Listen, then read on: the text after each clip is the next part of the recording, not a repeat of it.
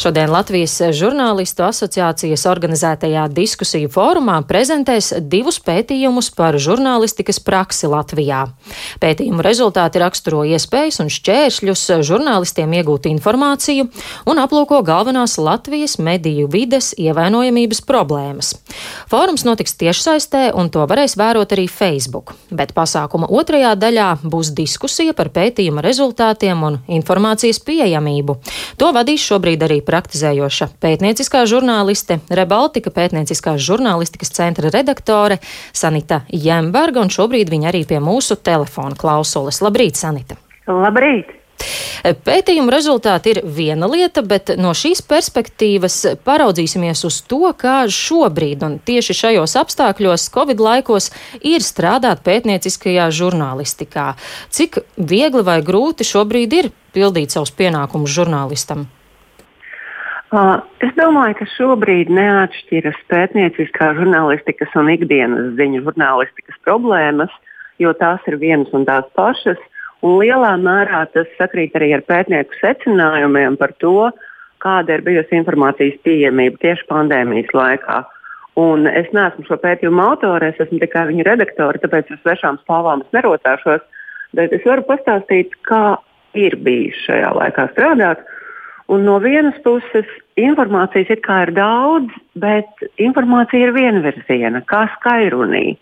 Proti, tā kā saimas sēdes, saimas komisijas sēdes, valdības sēdes notiek attālināti, ministri un amatpersonas ierodās uz preses konferencēm un norunā tikai to, ko viņi paši vēlās. Tāpēc, ka preses konferenču laiks ir ierobežots, ļoti bieži arī tematika ir ierobežota. Proti, tu nevari vaicāt savus jautājumus par citu tematu, tev vienkārši neatbildēs. Sabiedrība it kā iegūst informāciju, bet tikai to, ko amatpersonas vēlās, lai sabiedrība dzirdētu. Tā ir pirmā problēma, un tas būtu jārisina steidzami, jo šobrīd jau katram ir pieejama vakcīna, un vairs nav nekāda pamata attālināt sanākt uz sēdēm. Ir jānāk atkal fiziski vismaz lēmējiem, uh, lai viņus varētu noķert pie rokas, uzdot jautājumus un redzēt, kā kurš rīkojās. Tā ir bijusi viena problēma.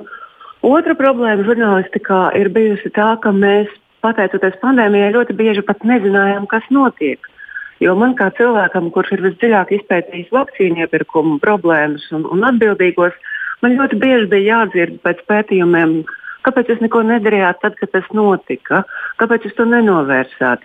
Un tāpēc, ka mēs vienkārši nezinājām, ka tas notiek, sēdes bija slēgtas, dokumenti bija noslapenoti, un mēs bijām pilnībā atkarīgi no dažu avotu labvēlības, kuri mums pa diedziņu kaut ko varēja vai nu dot, vai nedot. Un, protams, no paša neatlaidības, nepārtraukti rakstot informācijas pieprasījumus, kas aizņem laiku.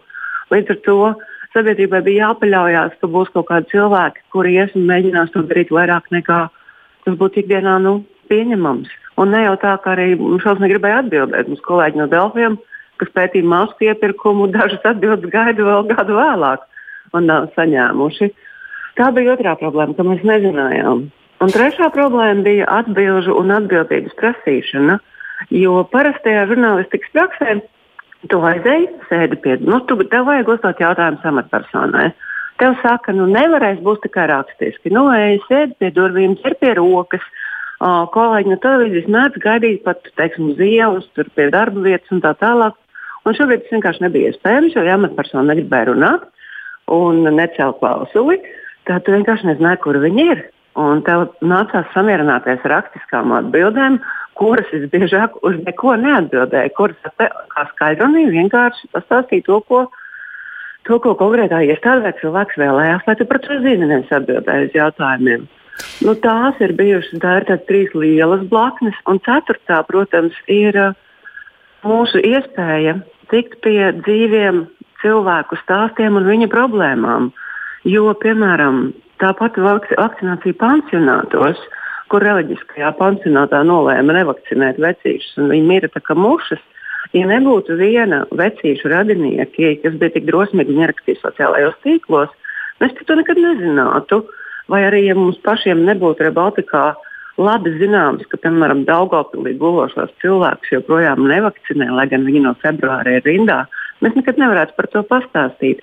Tas mūsu iespējas tikt pie dzīviem cilvēkiem un viņu problēmām, kuri pašu mēdījus nemeklēs. ir bijušas ierobežotas.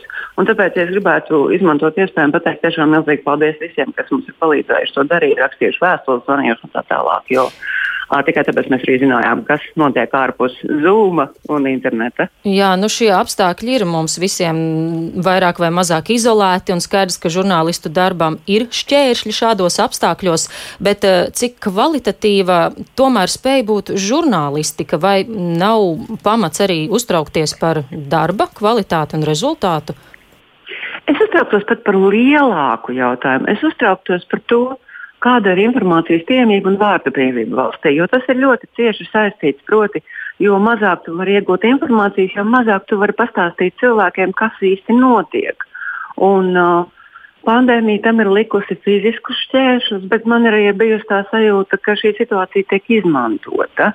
Uh, tieši šādā veidā kontrolējot, lai pie žurnālistiem nonāktu tikai tas, ko amatpersonas vēlās, lai viņi zinātu. Uh, kāda ir žurnālistikas kvalitāte. Nu, viņa Latvijā nekad nav bijusi milzīgi spīdoša, pateicoties tam, ka tas ir uh, neliels tirgus un, un tā nav visiekārojamākā profesija ne finansiāli, ne no nervu un laika ieguldījumu viedokļa.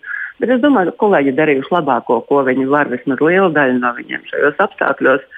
Um, tie, kas ir braukuši, veidojuši filmas par ārstiem, par, uh, par to, kas notiek slimnīcu nodaļās, par to, uh, Kāpēc mums nebija vakcīna sākumā? Es domāju, ka īstenībā cilvēki ir strādājuši ļoti godprātīgi. Ko jūs sagaidāt, kādu attieksmi no amatpersonām, kā žurnālistē, vai lai viņiem vairs nebūtu šādas iespējas, tā teikt, paslēpties Zoom tiešraidēs un lai viss ir atklāti kā iepriekš? Absolūti. Abs es, es sagaidu, ka amatpersonas atgriezīsies darbā fiziski, lai viņas varētu noķert aiz rokas, uzdot jautājumus, redzēt, kāda ir dinamika. Jo žurnālistikā ļoti bieži šīs neformālās sēdes, kur redzi, kurš ar kuru sarunājās, kurā vietā. Viņas pastāsta ļoti daudz ko, lai tev būtu pamats uzdot jautājumus. Tas ir viens, ko es gribētu. Otrais ir, ko es gribētu, lai beidz izvairīties no nepatīkamiem jautājumiem. Jo atkal personīgs piemērs, pētot vakcīnu sāgu. Zāļu valsts aģentūras direktors Svens Henkūdens, kurš šobrīd ir uh, pazemināts amatā uz trīs gadiem, Uh, viņš vienkārši izvairījās ne tikai no manis, bet no 99% žurnālistu un sūtīja rakstiskas atbildes un sāka runāt tikai tad, kad viņam jau bija iestājušās ziepes. Līdz ar to nu, man gribētos, lai ir joprojām, nevis lai joprojām, lai atgriežas fiziskās sēdes, klātbūtne, atbildes uz jautājumiem un lai, lai palīdz nevis traucē žurnālistikā. Tas būtu viss. Man ar to pilnīgi pietiktu. Nu, turēsim īkšķus, kaut tā arī būtu. Paldies, teikšu šorīt par sarunu žurnālistei, Rebaltika pētnieciskās žurnālistikas centra redaktorei Sanitai Jembergai.